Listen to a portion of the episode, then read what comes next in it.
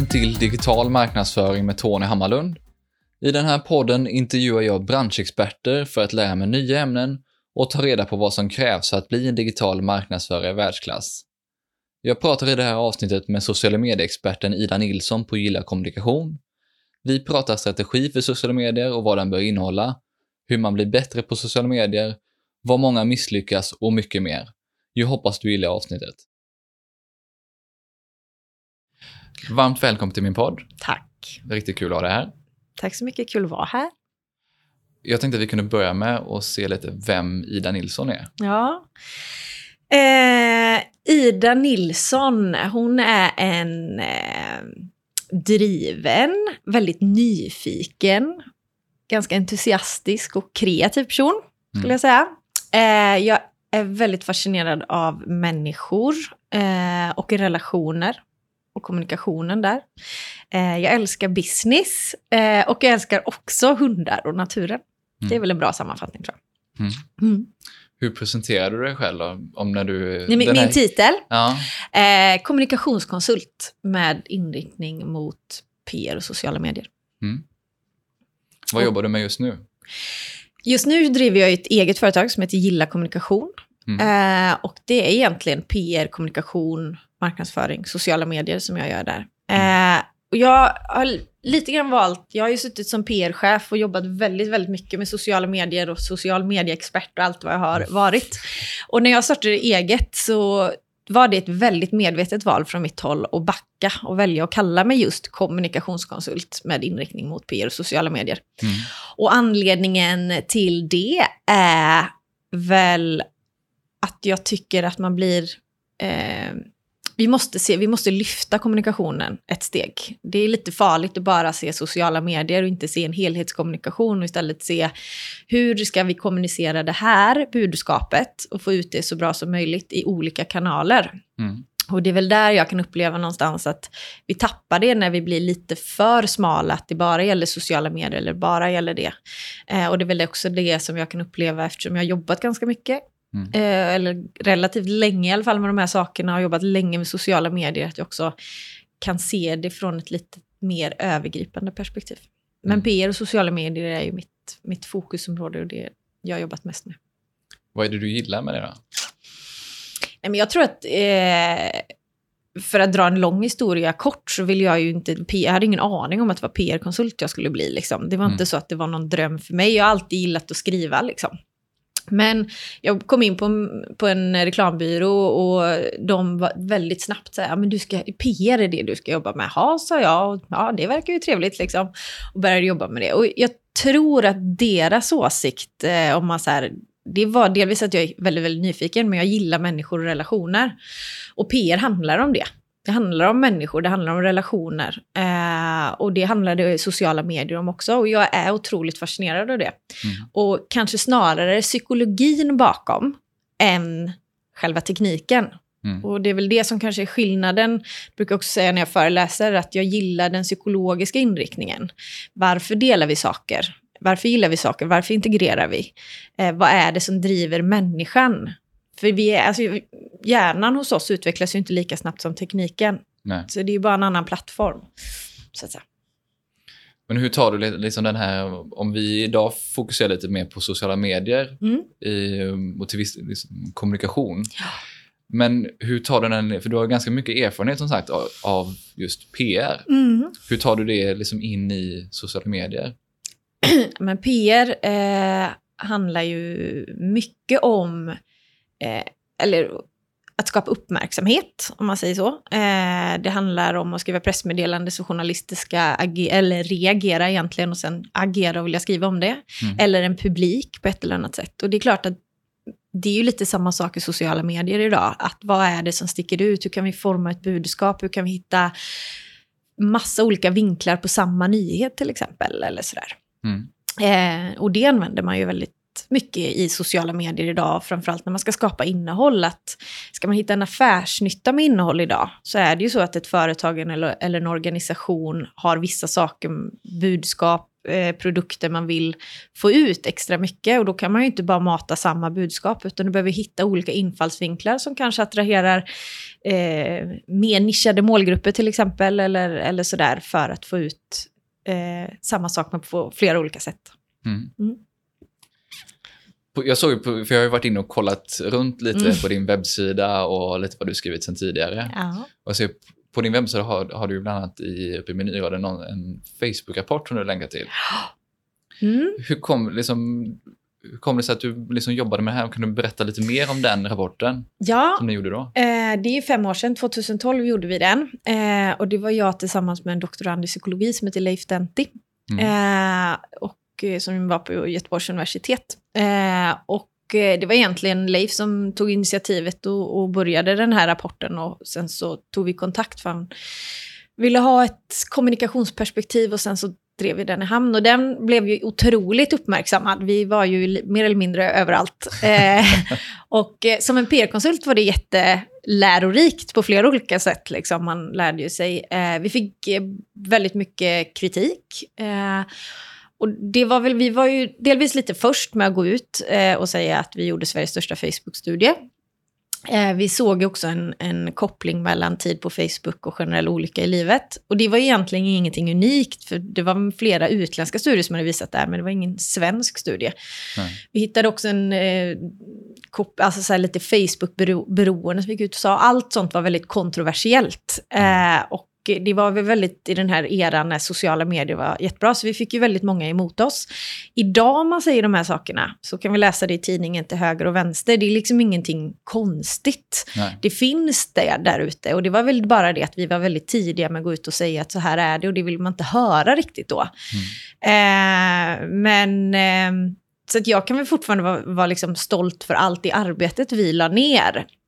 Sen kan man alltid diskutera hur budskap ska föras fram och hur det ska presenteras och sådär. Och jag lärde mig oerhört mycket på det och vad man gjorde på Facebook och varför och sådär. Eh, sen är det fem år sedan och det hände Mm. väldigt mycket på fem år i Mm. sociala och digitala medier. Så är det. Mm. Har du några planer på att göra någonting sånt Igen. igen, oavsett Ja. om det är Facebook eller något annat? Ja, men jag är ju så otroligt nyfiken eh, av mig, så att jag hade lätt kunnat göra det. Jag tror att det är tiden som är mitt problem till att göra eh, fler sådana saker idag.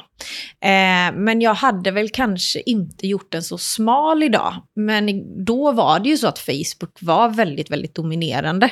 Det Mm. var ju det första alltså, eh, sociala mediet där vi var oss själva. Vi sa vårt riktiga namn, vi hade inga nickname och så här. Alltså det blev en väldigt, väldigt tydlig del. Eh, så idag hade jag nog kanske gjort en liten annan infallsvinkel på det tror jag.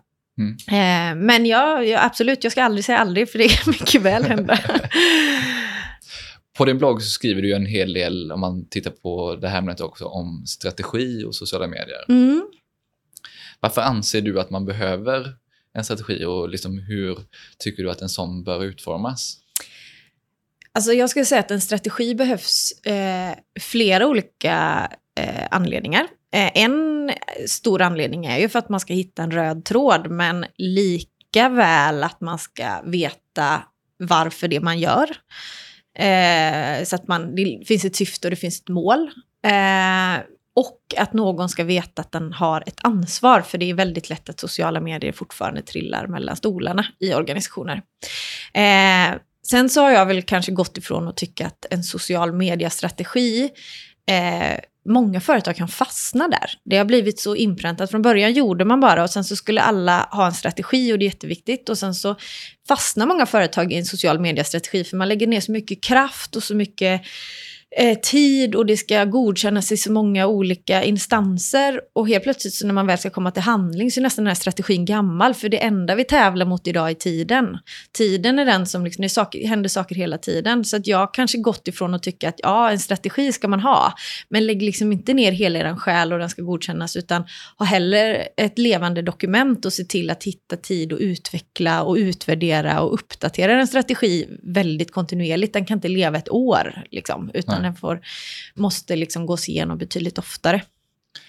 Men även om man gör ändå en enklare, mer flex- flexibel då kanske strategi eller plan, vad man nu Mm. väljer att kalla det, Mm. dokumentet eller hur man, eh, Men vad är det det bör innehålla om det är liksom det, det viktigaste som den bör in, innehålla? Eh, mål, skulle jag säga. Eh, syfte. Eh, målgrupp. Mm. Innehåll, kommunikationsplan. Eh, sen så brukar jag också eh, någonstans eh, säga att man ska fundera lite grann på eh, ansvarsområden som jag var inne på tidigare. Men också vad jag kallar ESP, alltså emotional selling point. Eh, vad är det för känsla jag vill dela med det här, eh, med det här eh, innehållet till exempel. Eh, men också i vilken del av köpprocessen som jag vill att mitt innehåll ska påverka mm. mottagaren. Eh, så det är ju lite olika, det är ju, återigen, och det mm. beror ju på kanske de första punkterna, mål och syfte och sådär, hur, hur liksom detaljerat man ska göra den. Men jag tycker det är värt att diskutera alla de här sakerna när man gör en strategi. Mm. När det gäller de, liksom, det finns ju en mängd olika sociala nätverk idag. Mm. Vilka är det som du ändå tycker att man som, om man tittar på som företag, vilka är det man ändå alltid behöv, borde ha med eller borde titta närmare på? Egentligen så brukar jag säga att det finns inget sånt idag. Det enda jag brukar säga är att välj hellre ett socialt nätverk eh, eller medie och bli riktigt jäkla bra och fokusera på det. Var inte lite överallt och dela samma sak i alla olika kanaler. Eh, sen är det ju så att de facto att vi har liksom, Facebook, Instagram, YouTube, alltså vi har kanaler som är stora och, och når en bredd, så är det ju. Eh, och har du en målgrupp som är eh, 45 plus så skulle jag kanske inte säga att du ska vara på Snapchat till exempel. Nej.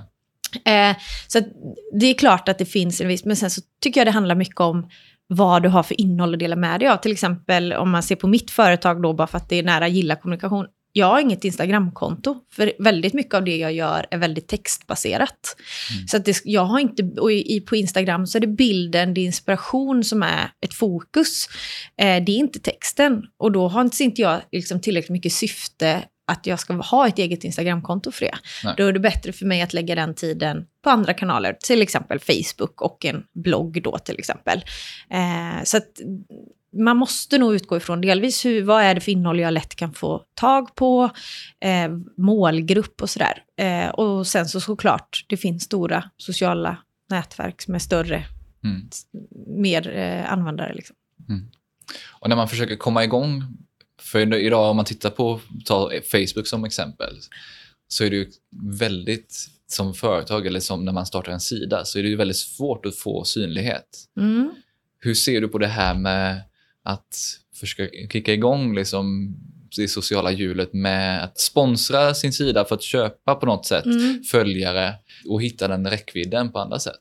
Jag skrev ju ett blogginlägg om detta, för det är ju, det är ju väldigt sådär att eh, nej, köp inte följare, det är jättefult. Och jag håller med om det. Jag kan själv sitta, att jag kan sitta för ett företag och det är någon influencer som vill ha produkter och så gå in och kolla och så har de 25 000 och sen så har de 11 likes på varje bild. Det, det är klart att det känns ju inte liksom jättetrovärdigt.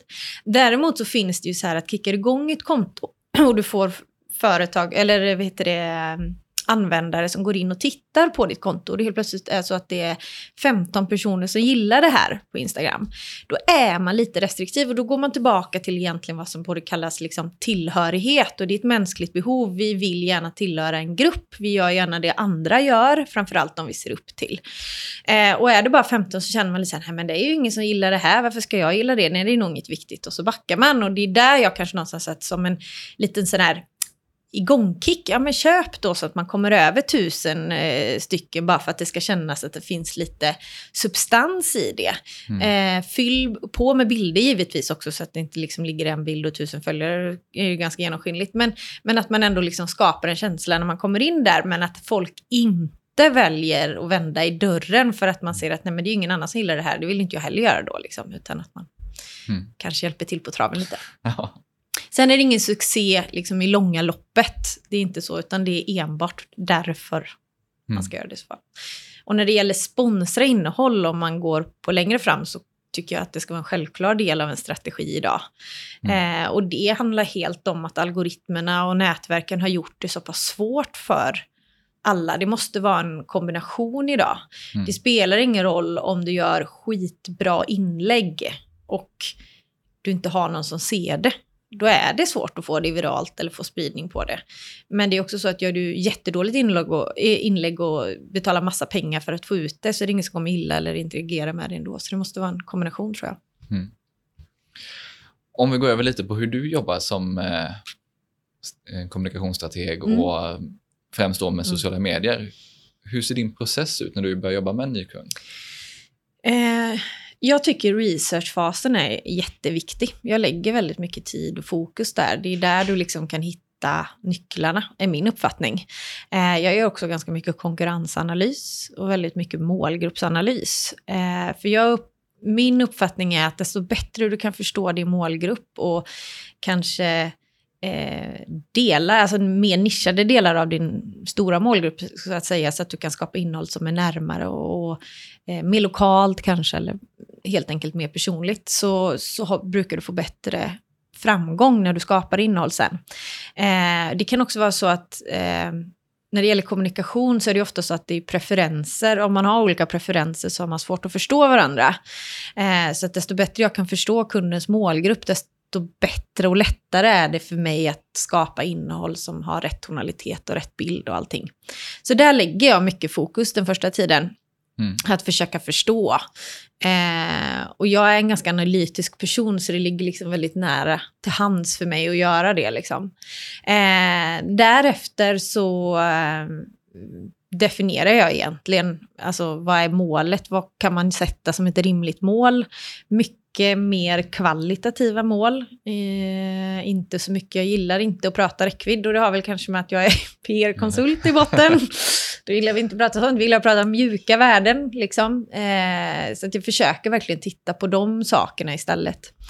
Vilka eh, värden är det du sätter upp då? Eller de här mjuka värdena eller andra målsättningar? Som du sätter ja, nej men alltså, det kan allt vara från att liksom faktiskt prata varumärkeskännedom eller bygga varumärke eh, till att eh, ren interaktioner, alltså, eller omnämnanden eller delningar eller givetvis konverteringar. Vill du sälja en produkt så är det väldigt svårt att inte se alltså hur många har besökt eller kommit in på hemsidan och blivit intresserade. Det är klart att sånt mäts också, eller generella köp eller sådär.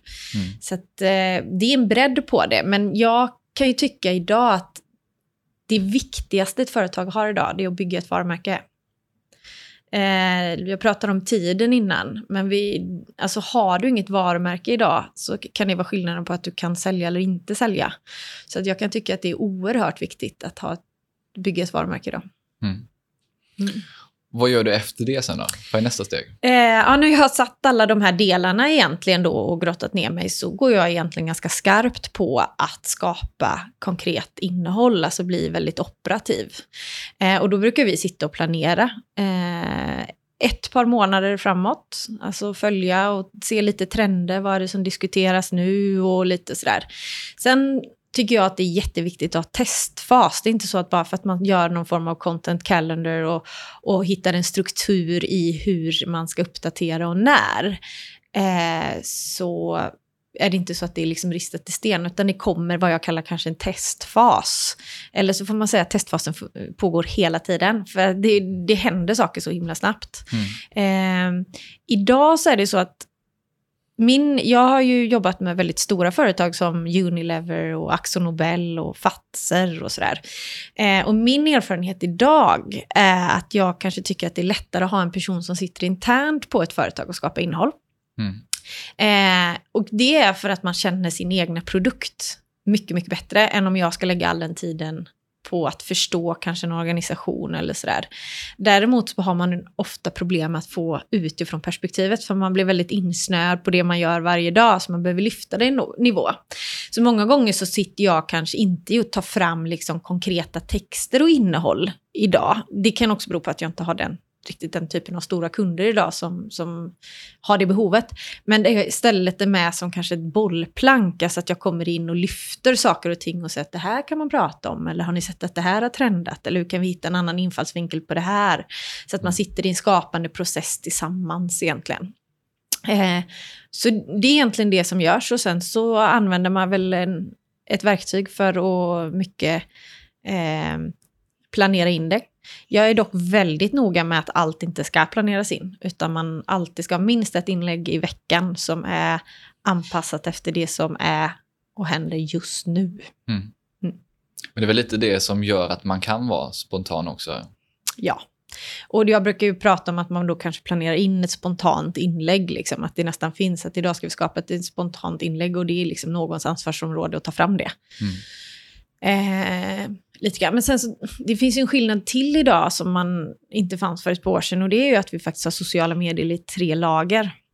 Och då menar jag egentligen att vi har live, vi har realtid som är våra stories och sen så har vi redigerad verklighet. För det är ju det att mycket vad som publiceras kanske på Facebook eller som publiceras på Instagram i våra vanliga flöden, det är liksom inte verkligheten längre utan den är ju en redigerad verklighet. Och det är klart att där behöver du också anpassa dig.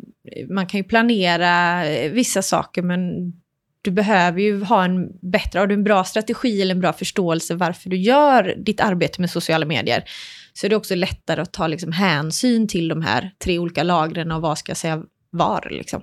Mm. Du pratade liksom att du satte upp de här både mjuka mål, liksom mer mm. hårda kvalitativa mål eller kvantitativa mål med liksom interaktioner och så vidare och konvertering. Mm. Hur mäter du de här sakerna med dina kunder? Om jag ska vara helt ärlig så mäter ju inte jag. jag har det så mycket personligen längre. Eh, helt av anledningen att jag har någon på företagen. Jag, jag mm. märker ju en, en, en, eh, trend, du får rätt med mig fel, men det är ju fler och fler internt liksom, som får rollen som social media managers eller, eller sådär. Mm. Som sitter och gör de här grejerna och har olika liksom, verktyg för att mäta och följa upp. Och sen så kommer jag mer in och analysera var, varför ser det ut så här. Liksom. Eh, jag skulle säga att jag idag eh, mer är den som vi pratade om magkänsla innan. Men jag kanske ofta när jag analyserar går in och kollar och ser lite kommentarer och skapar lite, så här, alltså, mm, lite frågor och lite tankar om vi ska ha en uppföljning om någonting. Ja, men varför sades det här? Är det här en tankegång? Och sen så får det bekräftas av det som har mätts eller inte. Och många gånger gör det faktiskt så, att det, det räcker. Men det kan ju handla om att man har erfarenhet och kanske jobbat med det i många år, som att man också kan se de där grejerna eller se nyanserna liksom, på ett annat mm. sätt. Så ja, så är det. Du nämnde det här med verktyg också. Mm. Eh, och vi pratade det här schemaläggning och så vidare, mm. men också det är intressant att veta de här, du pratar om eh, researchfasen och eh, liksom hur, när du kartlägger före du ens börjar mm. med planen och strategin. Vad använder du för verktyg genom hela processen någonstans? Ja, alltså Google. Mm. Nej men alltså det handlar ju mycket om att grotta ner sig liksom i... Jag har nog inget egentligen liksom verktyg. Jag använder eh, eh allt från... Ja, men det, om man säger så här, jag kan väl uppleva att jag under använder typ Redly, eller vad heter inte Redly, vad heter det? Feedly heter det. Mm. Eh, för att samla på mig eller liksom skanna av vad händer här och nu och liksom lite sådär. Så det är ju ett sånt verktyg. Men det är ju likadant att jag finns ju med i register som typ journalist. Jag får ju rätt mycket pressmeddelanden inom olika genrer till exempel, mejla till mig och eh, sådär. Så det kan ju lika gärna vara det när jag omvärldsbevakar eller att man går in och kollar på personer i målgruppen eller inte glömma grupper på Facebook, att gå in och kolla vad diskuteras här och varför diskuteras det och hur liksom beteende. Så det finns ju nog egentligen inga direkta tjänster för att göra, om man säger första steget, utan det är mer att liksom grotta ner sig och försöka förstå. Och, eh, man kanske använder Twingly om det är vissa saker, eller du vet, liksom mm. så. Eh, jag menar, det finns ju, alltså det finns ju omvärldsverktyg, det finns ju hur många som helst egentligen, eh, som man kan använda sig av, som jag hade när jag satt på, eller som mina kunder har idag, mm. i form av retriever eller eh, andra liknande. Eh, men eftersom inte jag sitter och har ett ansvar, på, om man uttrycker det så, idag med att ansvara för ett konto och omnämnanden i den bemärkelsen så har inte jag det behovet eh, dagligen. Utan då har jag liksom satt upp det på ett annat sätt. Eh, men men alltså, jag använder ju eh, Buffer mycket för liksom planeringen sen, om man går in i planeringsstadiet. Mm. Och sen så mycket att man sparar och som jag sa innan då feedligt det passar mina behov idag. Mm. Hur gör, dokumenterar du den här liksom processen du har gått igenom och det du gör med kunden eller levererar till kund. Mm. Hur dokumenteras det? Eh, hur tänker du då? I vilken liksom... Eller hur menar du med dokumenteras? Jag tänker liksom researchfasen, Mm. vad du, det du hittar där, sammanställer du någonstans? Är det bara för dig? Är det för kunden också? Finns det någon, sen blir det, när du gör någon plan av det, är det någonting, en presentation eller någonting du levererar till Mm. kund i sig? Ja, men ofta brukar det ju göras i ett enklare dokument. Eh, där jag har ett kort stycke om bakgrund eller att jag motiverar kanske varför eller slutsatser. Det beror lite på vad man kommer fram till också skulle jag vilja säga. Men definitivt så dokumenteras ju det. Eh, det är ju många gånger man gör någon form av eh, alltså presentation med, med skärmdumpar eller alltså så här, för att visa på att vad är det som händer där ute och varför har jag dragit den här slutsatsen och sådär. Mm. Så att eh, det dokumenteras. Mm. Sen, varför jag eh, startade den här podden, det är ju för att hålla mig uppdaterad inom olika ämnen också. Mm.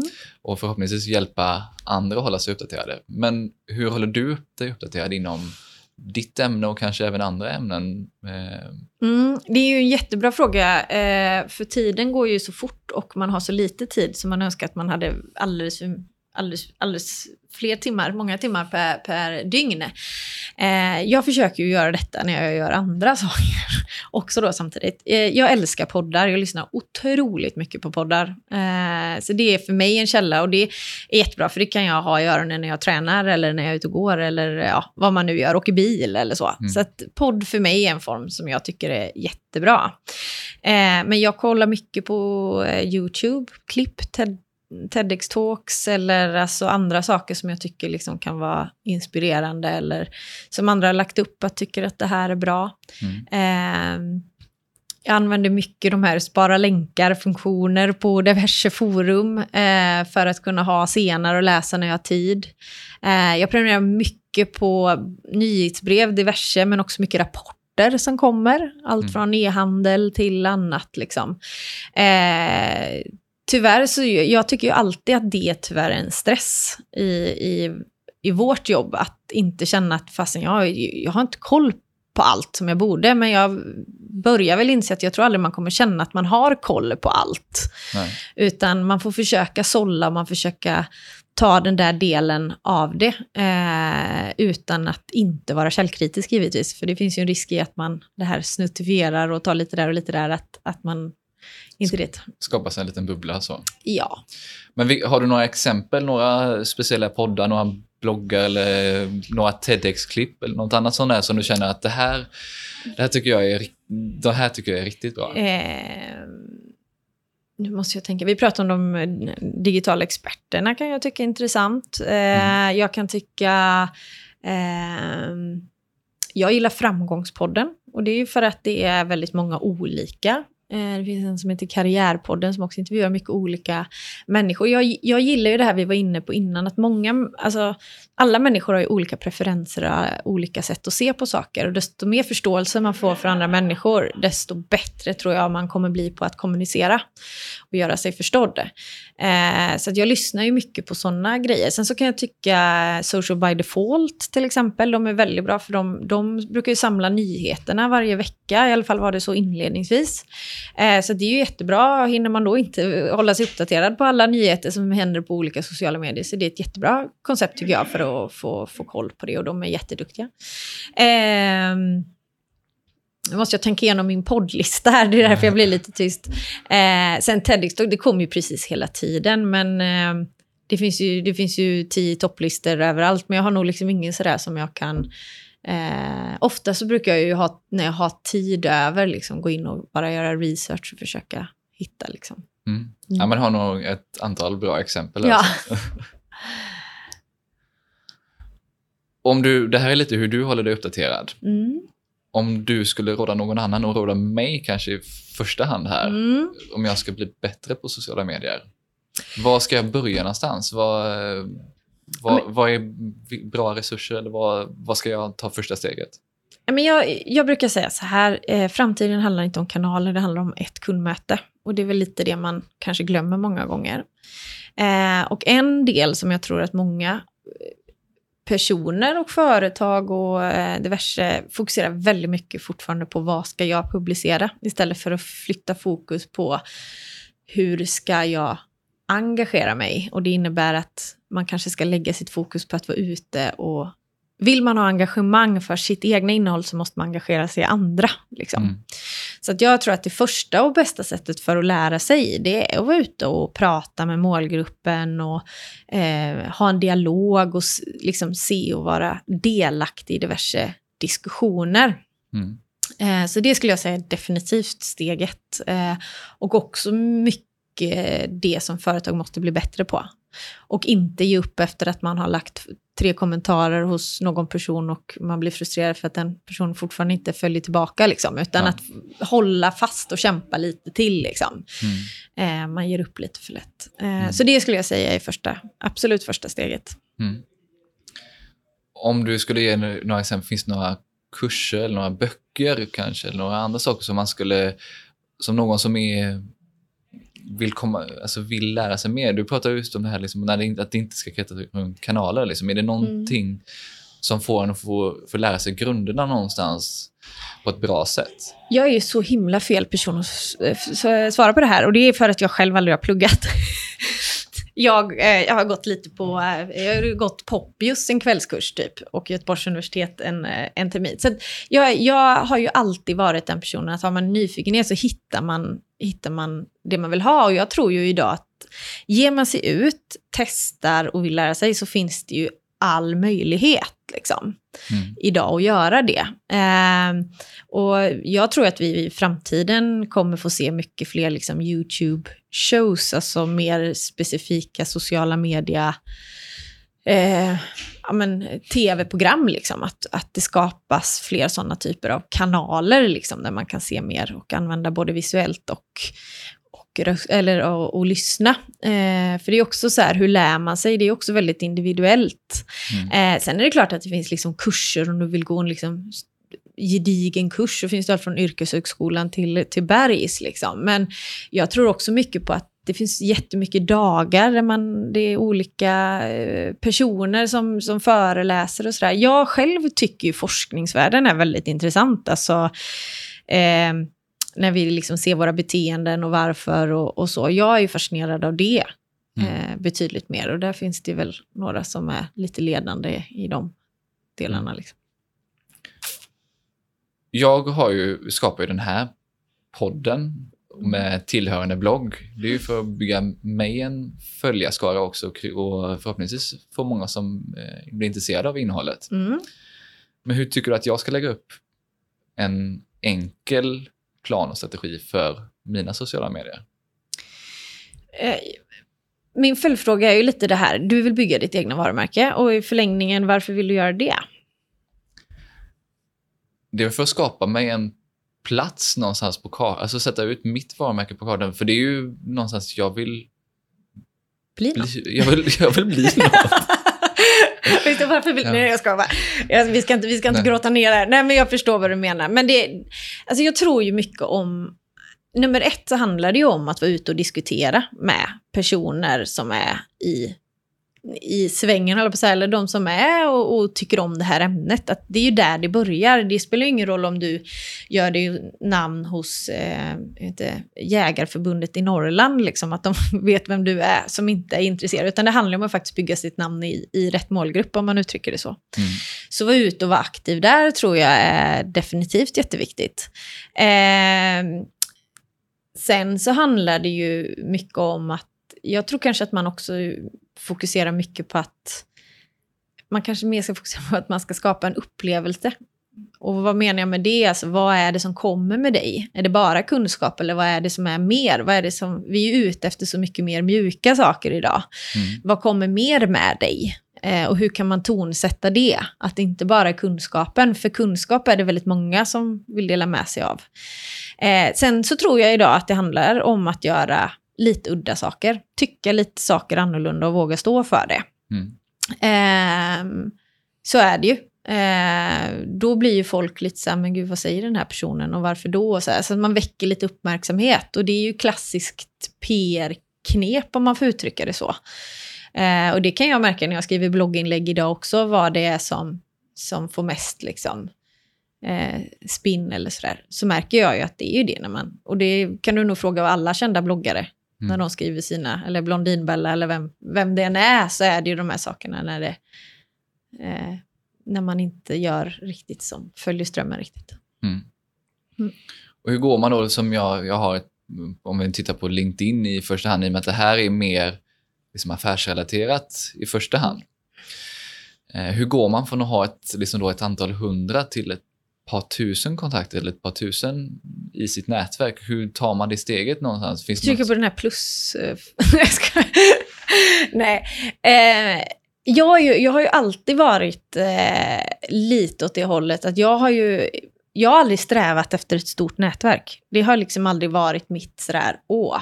För att jag upplever att säger jag någonting bra så sprids det utanför mitt nätverk i alla fall. Mm. Eh, så jag tror inte att man ska se det som ett egensyfte. Och det är lite grann återigen att flytta fokus ifrån om man pratar företag. Kolla inte det blind på dina liksom, följare, hur många det är, utan försök att fokusera istället på vad är det du får tillbaka. Har du jättebra diskussioner med dina hundra som ger dig väldigt mycket tillbaka, då är ju det viktigare, liksom, skulle mm. jag säga. Um, så återigen så skulle jag bara liksom skapa bra saker, eh, veta vad man vill stå för. Och då pratar jag mycket värderingar, alltså grundvärderingar. Vad är det jag kan leverera? Eh, och vara väldigt liksom, tydlig i det. Mm. Eh, för idag är det informationsbruset vi har. Eh, det ju, finns ju en liksom ren psykologisk eh, del i att det har blivit fler bilder och sen blivit rörlig bild. Och det är ju för att hjärnan uppfattar just bilder 60 000 gånger snabbare än, än ord. Och det blir ofta en dörröppnare till exempel till eh, till att man ska läsa en text till exempel. Eh, men det blir väldigt viktigt att man håller en, en röd tråd i det man vill säga och de värdena man vill skapa och att man, ja, men att man, man bygger den där plattformen för sig själv också. Mm. Mm. Om man går vidare till lite mer tips. Mm. Tips och råd kanske jag ska kalla det. Ja. Vad är dina tre bästa tips för att hitta den här liksom, strukturen, den här strategin, vad man vad väljer att kalla den, kring sociala medier? Eh, jag har ett eh, uttryck som heter gör hellre ganska rätt än helt fel. Och med det menar jag att ibland att inte göra någonting det är helt fel och då är det bättre att göra ganska rätt. Och det är lite att jag kan uppleva att det är många som sitter lite grann och liksom så här, oh, nej men gud, ska vi klicka på sänd här och liksom sådär. Eh, så att jag tror ibland på att man behöver göra, man behöver göra fel. Och det är också en sån här klassisk grej när man liksom har följt sociala medier ett tag, så ser man bara alla succécase. Men om man skulle verkligen börja grotta ner så har nästan alla de här företagen gjort ganska mycket jag ska inte säga fadäser, men haft tävlingar där det liksom deltog fem personer. Men det är liksom ingen annan som riktigt tänker på det. Så jag tror att all, man lär sig av de här misstagen. Det, det, handlar om hur man bemöter dem på något vis. Så jag ska säga, ut och testa. Får man en tanke, prova, gör det. Eh, liksom, eh, följ upp det och fundera på vad det är tajmingen, vad det är vinsten, vad det är bara för att vi inte är intressanta alltså vad är det som gjorde att det inte funkar om det just nu var en tävling liksom. Utan se det mer som en möjlighet att hela tiden lära sig och bli bättre och vara ödmjuk i, i det liksom. Eh, sen så tror jag ju väldigt mycket på att göra saker på riktigt. Och det är ju det här att liksom passion eller entusiasm eller ha någon som uppdaterar sociala medier som inte brinner för det eller tycker det är roligt eller inte tycker jobbet är roligt. Det, det går igenom liksom. Eh, så det, det är en sån sak. Sen så tycker jag också att om man kan sin målgrupp och man... Eh, jag upplever att många företag missar just den biten med målgrupp och målgruppsanalys ordentligt. Man lite grann slänger med att ja, men de är 25 35 år och sen så liksom, alla 25-35-åringar exakt likadana. Liksom. Mm. Nej, men jag tror också att om man kan sin målgrupp så kan man också se deras köpresa. Och det här är ju någonting som man pratat om väldigt mycket i e-handel tidigare. Mm. Men vi har ju olika faser. Man pratar om behovsfasen, man pratar om researchfasen, man konverteringsfasen, eh, erfarenhetsfasen och eh, egentligen, det är väl de fyra man pratar om. Och eh, där tror jag att det är jätteviktigt att skapa innehåll där man funderar på vad vill jag att kunden ska göra med det här, om det just är affärsnytta. Vissa saker kanske bara ska skapa ett behov och då har vi ju inspiration till exempel. Det är kanske det som det ska uppfylla.